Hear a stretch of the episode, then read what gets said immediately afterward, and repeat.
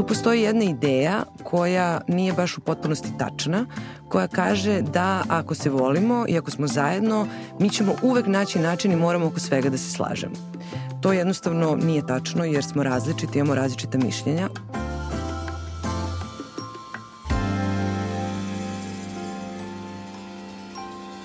Dobrodošli u podcast Kako da izgradite dobar život u produkciji velikih priča. Ja sam Ana Mitić, novinarka i urednica u Velikim pričama i Nedeljniku. Za naše društvo se kaže da je podeljeno društvo, da postoje dve Srbije ili pet Srbija, o čemu je pisao profesor Aleksandar Baucal za velike priče. Preporučujem da pročitate taj tekst da biste razumeli zašto on govori o pet Srbija. E, tokom pandemije smo imali podele na antivaksere i na one koji su za vakcine, ali naša svakodnevica je više nego ikad zasićena polarizacijom i podelama na nas i njih. A kad se dva suprotstavljena mišljenja nađu jedno preko puta drugog, nije lako razgovarati. Zato sada razgovaramo o tome zašto teško razgovaramo sa ljudima sa kojima se ne slažemo. Ono što sam ja čula od nekoliko njih koji imaju potpuno suprotstavljena mišlja recimo o vakcinama ili su e, potpuno e, drugačije političke opcije odnosu na neke ljude koji su im bliski prijatelji, kumovi, partneri. Čula sam savet da se jednostavno o tim temama gde se sukobljavaju mišljenja ne razgovara i da su se oni čak i dogovorili da neće o tome da razgovaraju, da se ne bi svađali. Iva, da li se ti slažeš da je rešenje da izbegavamo da pričamo uh, sa antivaksirima ili sa ljudima koji su drugačije političke uh, pozicije ili onima koji veruju u teorije zavere, a mi recimo ne verujemo, da li je to rešenje da mi apsolutno sa njima ne razgovaramo o tome, nego pričamo o vremenskoj prognozi, recimo. to je krajnja mera i može da bude opcija onda ako procenjujemo da nema načina da razgovaramo. Ja sam u principu uvek za to da se razgovara, e ono što jeste tu izazov je kako razgovarati. Mm -hmm. Zato što su različite emocije u priči onda kada najđemo na jake razlike u mišljenjima, posebno sa ljudima koji su nam dragi i sa kojima želimo da očuvamo odnos. I to jeste jedno veliko pitanje kojim se ja bavim, s obzirom na to da radim sa parovima i da nailazim stalno na to da da su ljudi u, u bliskom odnosu, a suštinski se ne razumeju oko nekih razlika. I ne samo to, naravno, i, i u mojim odnosima i u odnosima bliskih ljudi stalno nailazimo na tu jednu tačku gde se oko nečega ne razumemo i onda se pitamo da li smo se uopšte pogrešno izabrali, da li uopšte treba da ostanemo zajedno ili jednostavno ili možemo oko toga nešto da uradimo. Um, ono što ja mislim to je da je važno razgovarati, ali da bi moglo da se razgovara, uh, potrebno je da, da uzmemo u obzir neke faktore vezano za tu priču. Da li nam je ta osoba koja koja je preko puta nas zaista važna i da li procenjujemo da ima nade da možemo nešto da, da promenimo. A kada kažem da možemo nešto da promenimo, tu mislim i da li smo spremni da uh, podnesemo to da naše mišljenje nije apsolutno prihvaćeno i da podnesemo to da i mi možda malo modifikujemo u nekim aspektima svoje stavove da bismo mogli da, da razgovaramo. A zbog čega je nama teško da razgovaramo sa bliskim ljudima kada se ne slažemo uh, oko nekih uh, tema i zašto to uh, preraste u svađu? Pa tu postoje dve stvari. Prva stvar je da mi bliske ljude biramo zbog toga što smo uglavnom slični, a u nekim stvarima smo i različiti. Biramo ih zato što smo slični, da bismo mogli e, između ostalog i zbog sebe, zato što volimo da potvrdimo te delove sebe koji nam se sviđaju, imamo zajedničke interesovanje, imamo o čemu da pričamo. Biramo ih i zato što smo različiti u nekim aspektima, jer nam se dopada to što oni nose od nekih e, karakteristika koje mi nemamo, pa želimo te karakteristike da razvijemo kod sebe. I onda nam je vrlo neprijatno kada sa tako ljudima koje smo, jel, tako birali, kada se te razlike toliko naglase da mi ne možemo da nađemo zajednički jezik i to nas vodi do ove druge stavke, a to je da se brinemo da ako se oko nečega ne slažemo, da će to nepovratno narušiti odnos. Tu postoji jedna ideja koja nije baš u potpunosti tačna, koja kaže da ako se volimo i ako smo zajedno, mi ćemo uvek naći način i moramo oko svega da se slažemo.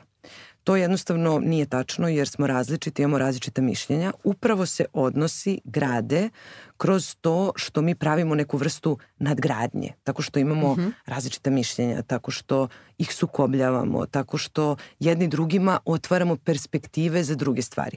I to je jedna stvar koja se savetuje ovaj, kada pričamo o ekstremno različitim mišljenjima, kao što su to vakseri, antivakseri, um, ljudi koji su na različitim stranama političkog spektra, da je mnogo bolje postavljati pitanja nego sučeljavati stavove. Mnogo je važno da razumemo zašto neko misli na određeni način, nego da idemo iz pozicije da mi kažemo šta mi apsolutno o nečemu mislimo. A tako se najčešće završavaju rasprave. Tako što jedna strana iznese svoju stranu, druga strana iznese svoju stranu i onda to zapravo, jako liči na dijalog, nije dijalog, nego je to samo dva monologa koje su se međusobno sudarila i svako je ostao utvrđen u toj svojoj nekoj poziciji. A ukoliko želimo da negujemo odnos i ukoliko želimo da uh, budemo kritički mislioci kao što svi za sebe mislimo da imamo otvoreni um i da možemo da razumemo, onda zapravo treba da postavimo pitanje i da vidimo šta leži u osnovi tako nekog stava. Mislim da je jedan od problema što kada se ne slažemo, vrlo često uh, obe strane nastupaju sa pozicije ti nisi u pravu. Ja sam u pravu i ti treba da prihvatiš ovo što ti ja govorim. Mm. Kako ne možeš to da prihvatiš?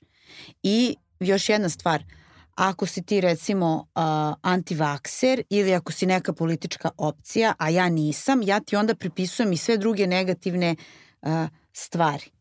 Tako je, i ne samo da pripisujemo sve druge negativne stvari, nego zaboravljamo sve one druge stvari po kojima smo zapravo slični.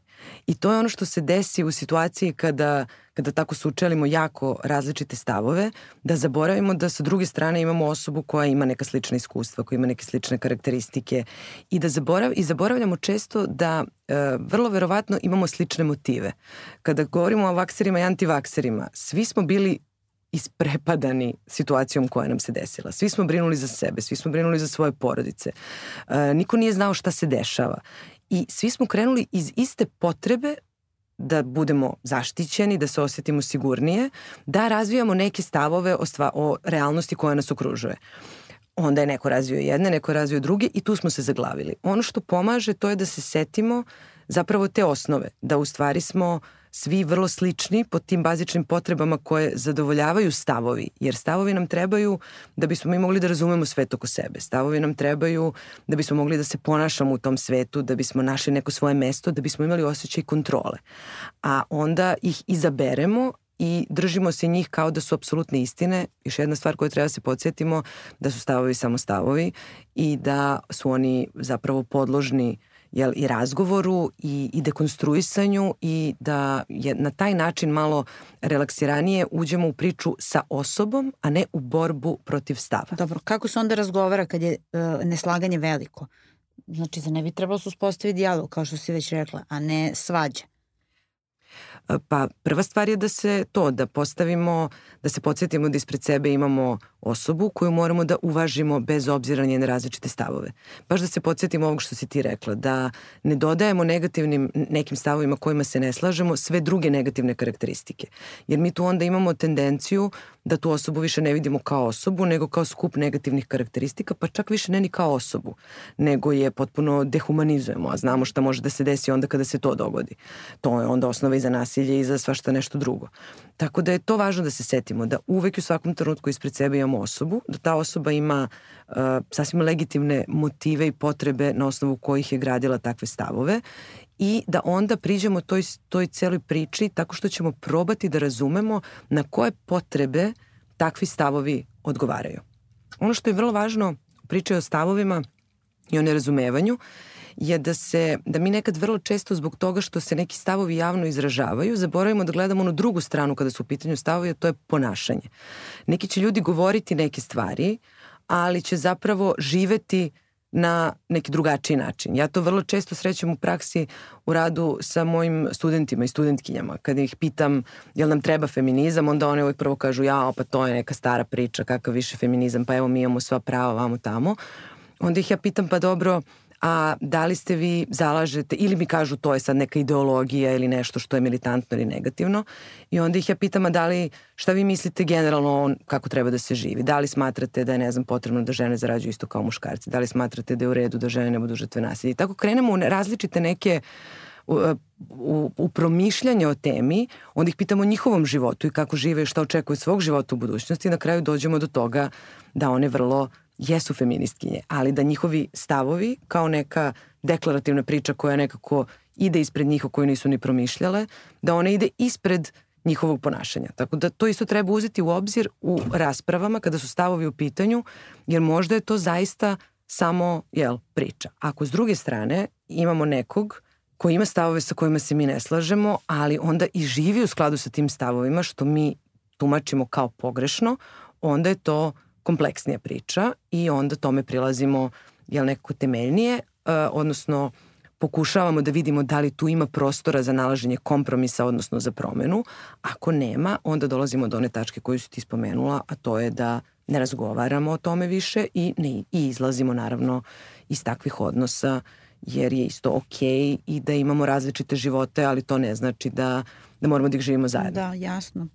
E, polarizacija tema koja tebi posebno bliska, već si to mhm. rekla, jer parovi koji dolaze na terapiju uglavnom dolaze upravo takvi zaglavljeni u razlikama, naelektrisani i potpuno nemoći da konstruktivno reše svoje neslaganje. Šta se onda radi kada su recimo eto u pitanju odnosi dvoje ljudi koji su znači u nekoj vezi, u braku, vanbračnoj zajednici kako već, kako se onda te situacije Pa kod parova je to posebno zanimljivo zato što oni obično dolaze sa pričom o razlikama, a to su vrlo često razlike zbog kojih su se međusobno birali.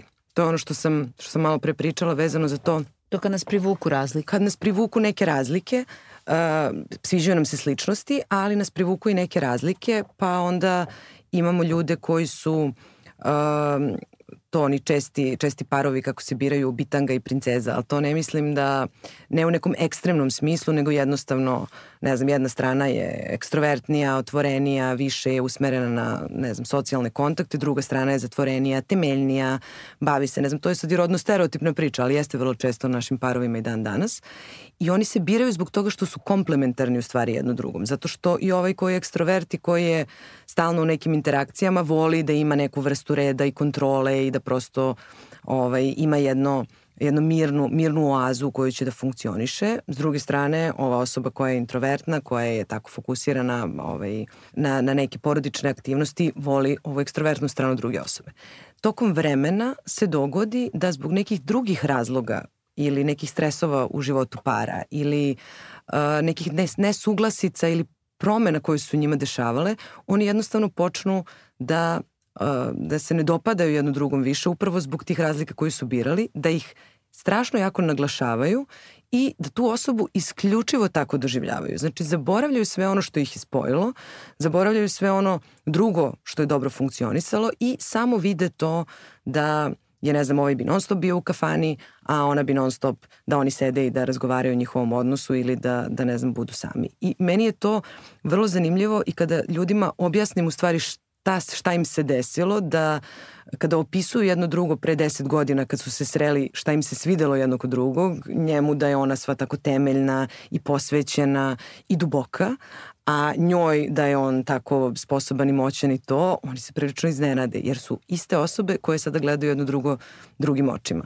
I šta da, onda? Da li, mo, da li može da opstane ta veza u kojoj je neslaganje oko nekih ključnih stvari velika? Obično onda gledamo gde je zapravo neslaganje. Aha. Zato što se mi tako polarizujemo u partnerskom odnosu, zato što postoji nešto drugo oko čega smo nezadovoljni. I onda tragamo za tim, onda ih ja pitam i to je čuveno pitanje u porodičnoj psihoterapiji, ako ovo što mi donosite ne bi bio problem, šta bi drugo bio problem?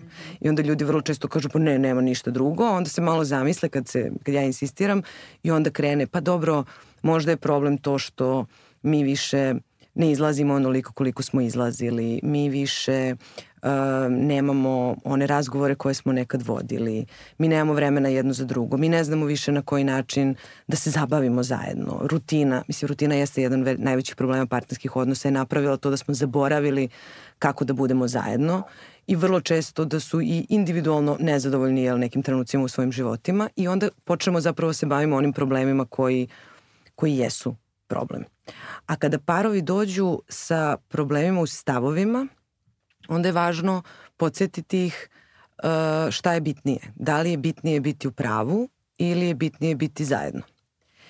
I to je vrlo često kada su stavovi koji su tu samo da bi se raspravljali, a nisu suštinski, mm -hmm. ono lekovito pitanje koje njih vrati u, u priču jer vrlo često parovi dođu nezadovoljni zbog godina nakupljenog nezadovoljstva i onda više ne mogu da se slože ni oko nekih stvari koje zapravo ranije nisu ni doživljavali tako važno i tako ozbiljno. Ali onda dođu i onda se raspravljaju oko toga, a zapravo zanemare ono što je, što je ključna stvar, a to je taj motiv da budemo zajedno, pa ako imamo osnovni motiv da budemo zajedno, onda ćemo i o ovoj temi moći da pričamo na način uh, koji je konstruktivan, a ne da se to raspravljamo baš ovo što si ti rekla. Ti si ovakav, ti si onakva, ti grešiš, evo kako stvari treba da budu. Da, ti onda kroz to isteruješ i sve drugo u stvari. To je u stvari izgovor. Vrlo često nešto potpuno drugo, da. Da. A da li mogu da opstanu u vezi neko dvoje koje su potpuno različitih političkih opcija? Ili vakser i antivakser? Evo recimo sad opet se vraćamo na te vakcine, ali sad recimo žena kaže mužu treba da se vakcinišeš zbog svog zdravlja. Ona želi da se on vakciniše jer se plaši šta će biti recimo, a on kaže neću. Ono što sam ja primetila sad u ovoj situaciji sa vakserima i antivakserima da su opstali jer je ova situacija bila, posebno kada su odrasli u pitanju, vrlo specifična. Ali ne verujem da mogu da opstanu zajedno anti, a, vakser, pravi vakser i antivakser kada je u pitanju vakcinacija dece. Da. To je to pitanje kad se stavovi operacionalizuju. Mm -hmm.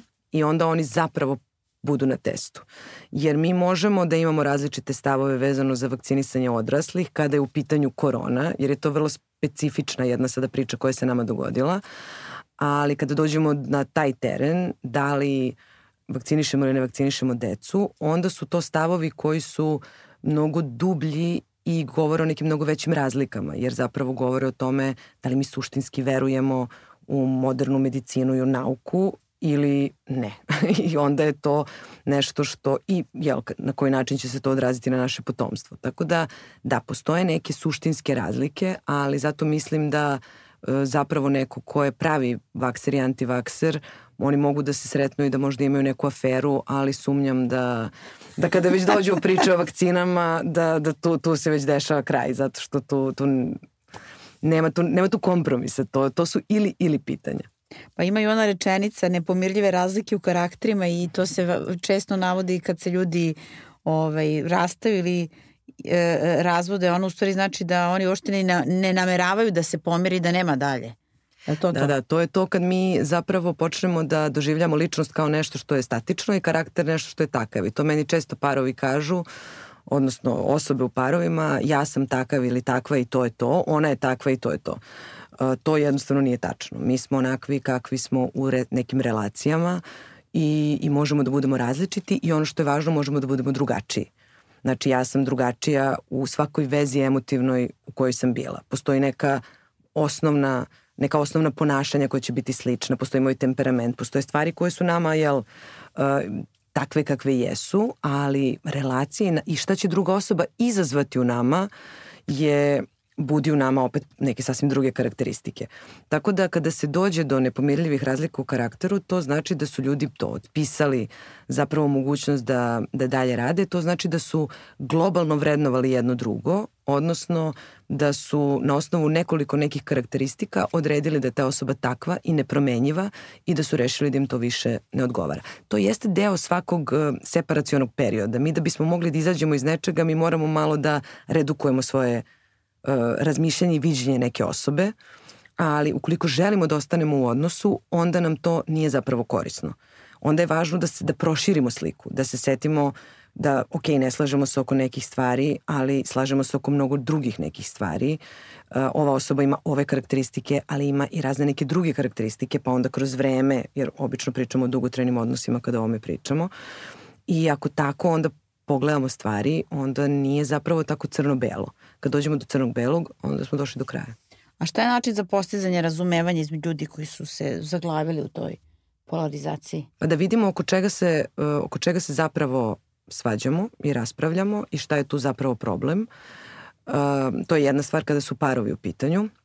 Da, se, da to, da proširimo sliku, odnosno da vidimo različite, da vidimo uh, osobu kompleksnije nego što je taj jedan problem i da vidimo problem kompleksnije nego što on sam jeste. i, i da pokušamo da, da zapravo razgovaramo o tome i da razumemo šta se zapravo dešava, o čemu zapravo pričamo i da li je to, da, da izađemo iz te perspektive ja protiv tebe, uh mhm. -huh. nego da probamo da vidimo kako to što nam se sada dešava, a ne slažemo se oko nečega, utiče na taj odnos, gde su razlozi i kako možda možemo to da prevaziđemo da bismo eventualno mogli nešto u, u perspektivi da radimo s tim. A šta kad su u pitanju mi i oni? Kad su u pitanju političke opcije ili nešto što, što se tiče društva, pa, ne na individualnom nivou? Tu se opet uh, je važno podsjetiti se da uh, tih potreba koje dolaze iz uh, iz kojih potreba zapravo ljudi rade to što rade ili imaju stavove koje imaju. Uh, ono što je takođe važno i da razumemo da mi vrlo često, to je to pitanje vaksera i antivaksera, odnosno toga da li ćemo da vakcinišemo dete ili nećemo da vakcinišemo. Mi to jeste ključno važno pitanje za nekoga ko ima dete i ja razumem da oko toga može da bude kao, ok, mi se ne slažemo i ovo je kraj komunikacije. Ali da li tu postajemo neprijatelji? To je sada drugo pitanje. Mm -hmm. Ja mhm. mislim da ne treba tu da postanemo neprijatelji, ali isto tako možemo da kažemo, ok, ljudi koji ne vakcinišu decu su prilično, imaju opasno ponašanje vezano za drugu decu. I ta tema je baš ozbiljna. Ako to prenesemo na društvene kontekste, da. važno je da prepoznamo kad je ta tema zaista tako ozbiljna. Vakseri antivakseri da, ali mi se vrlo često i vrlo strastveno um, previše strastveno ponekad bavimo razlikama koje nisu na taj način opasne. Mi sada u Srbiji imamo situaciju, imali smo je na protestima uh, 26. 27.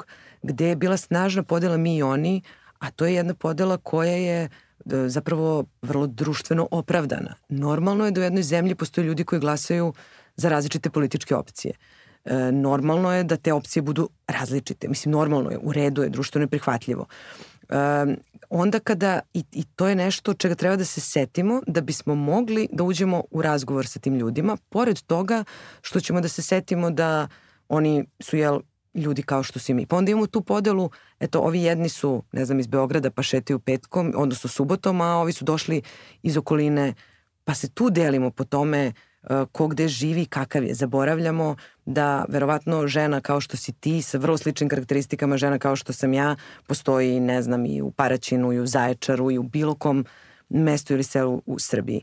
A dolazimo do tih podela onda kada nam se kreira, kada nam se na društvenom nivou pošalje jaka poruka da su te da treba da budemo tako jako podeljeni i da smo jedni drugima neprijatelji. A nismo, ne treba da se mrzimo. A nismo, zato što ako samo pogledamo kod čega se delimo, ok, postoje, naravno da tu postoji veliki emocionalni naboj zato što su to teme koje su nama svima prilično važne i bliske, ali uh, važno je da ulazimo, to, to je ono što, što može da nam bude korisno kada razgovaramo sa ljudima koji drugačije misle, da se samo setimo, da nekako dobro procenimo koliko je važna situacija, da li je to za, zaista pitanje ili ili, da li ponašanje druge osobe je ugrožavajuće za mene, suštinski, i onda iz te pozicije, kada realno procenimo situaciju, kolike su razlike, mi možemo mnogo racionalnije i bolje da uđemo u, u neku vrstu komunikacije sa tom osobom i eventualno da dođemo do tačke gde se možda nećemo slagati, ali to je isto okej. Okay. Mi možemo da se slažemo, ali da se poštujemo.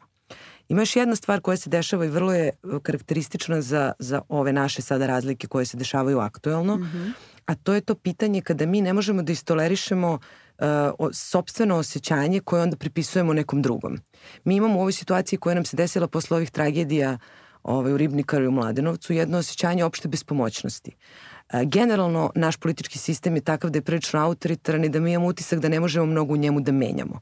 Ljudi koji su dolazili na protest da podrže političku partiju koja je na vlasti, ili osobu, svejedno, e, mi i kod njih prepoznajemo jednu vrstu nemoći jer imamo puno neke priče o tome kako je, kako su oni uh, ucenjeni, naterani, kako su dovedeni u tis... Znači i oni su suštinski nemoćni. I sada umesto da se mi, da se svi ljudi ujedine oko osjećanja nemoći, šta se dešava?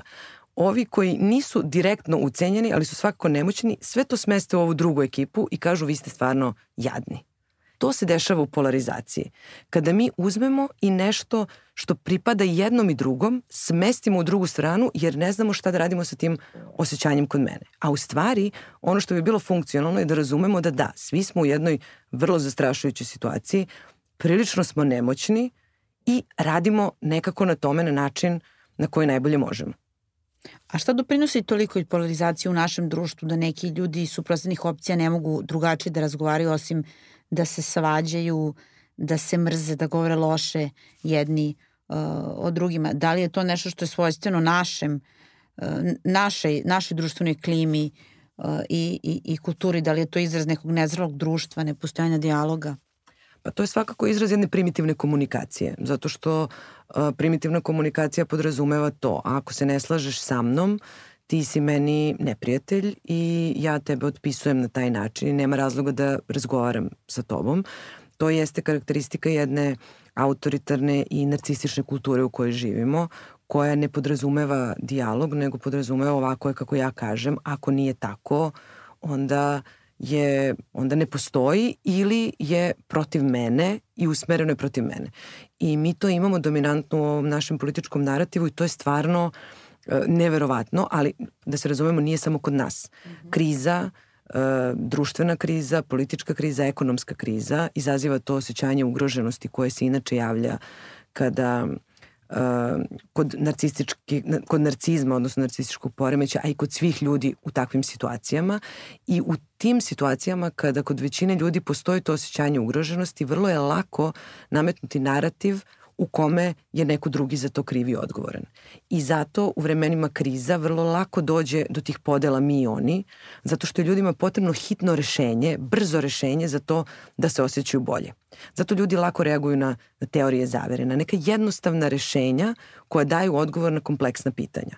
I, nažalost, mi sada imamo u našoj zemlji, i u nekim zemljama u okruženju, mislim nismo mi jedini, pa u Italiji šta se dešava, Mađarska, Poljska, mislim prosto neki vrlo jednostavni narativi koji kažu ne, bit će sve u redu, mi ćemo sve da rešimo, vi samo nama sve prepustite, ovi su loši, oni su protiv svih. Ti narativi prolaze zato što se ljudi osjećaju iscrpljeno, uplašeno i ne nalaze i prosto prihvataju takvu vrstu narativa, a to je e, opasno pre svega, a s druge strane je stvarno neverovatno ako racionalno razmislimo, zato što ti se pot, potpuno kosi sa bilo kojom vrstom zdravog razuma. Dobro, šta je onda rešenje? Kako mi da pričamo i da ne budemo toliko podeljeni? Tu svako mora da pođe od sebe. To je prvi korak, e, krenuti od sebe i sebe prispitati. Ja moram da priznam da je meni mnogo drago što pričam o ovome zato što ja sama sa sobom prolazim ovu temu uh, pored toga što radim sa klijentima, ali lično je prolazim već evo nekoliko godina. Prvo je bilo to, da li ja mogu da se družim sa nekim ko je antivakser uh, i u kakvom odnosu mogu da budem sa takvom osobom, zato što je svašta isplivalo tokom pandemije i opet, iako istraživanja kažu da će uh, obrazovanje i neke karakteristike uticati na to da ljudi manje veruju teorije zavere, sad se pokazalo, bar u mom životu, da to ne mora da bude apsolutno tako.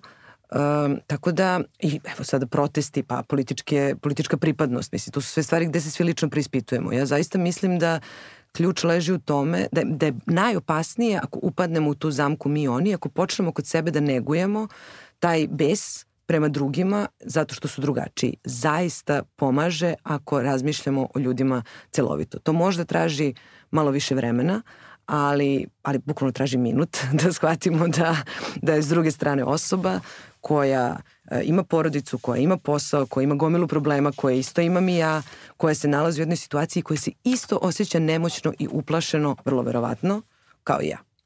I onda mi razgovaramo na, na ovom nivou, onda da proširimo kontekst pa da vidimo koji su sve faktori doveli do toga da bude ovako kako jeste, a da ne možemo to tako jednostavno da podelimo kao sad mi pričamo jednu priču, oni pričaju neku drugu priču i to je, to je jedini problem. Ne, problemi su mnogo kompleksniji i da onda na taj način probamo da prvo sebe smirimo, da bismo mogli eventualno s nekim da porazgovaramo, pa da možda i utičemo na nekog da, da promeni mišljenje. Jer ako ostajemo zaglavljeni, jedino što možemo da, da uradimo je da se izolujemo, da budemo u tom nekom svom bablu, nekom mehuru i, i da se sve više osjećamo loše, što na kraju nije baš neka opcija. Pa nije. Hvala ti puno, Iva. Nema na čemu. Samo da podsjetim, podcast Kako da izgradite dobar život možete slušati na svim platformama Spotify, Deezer, Podcast RS, Apple Podcast, YouTube ili na sajtu velikepriče.com.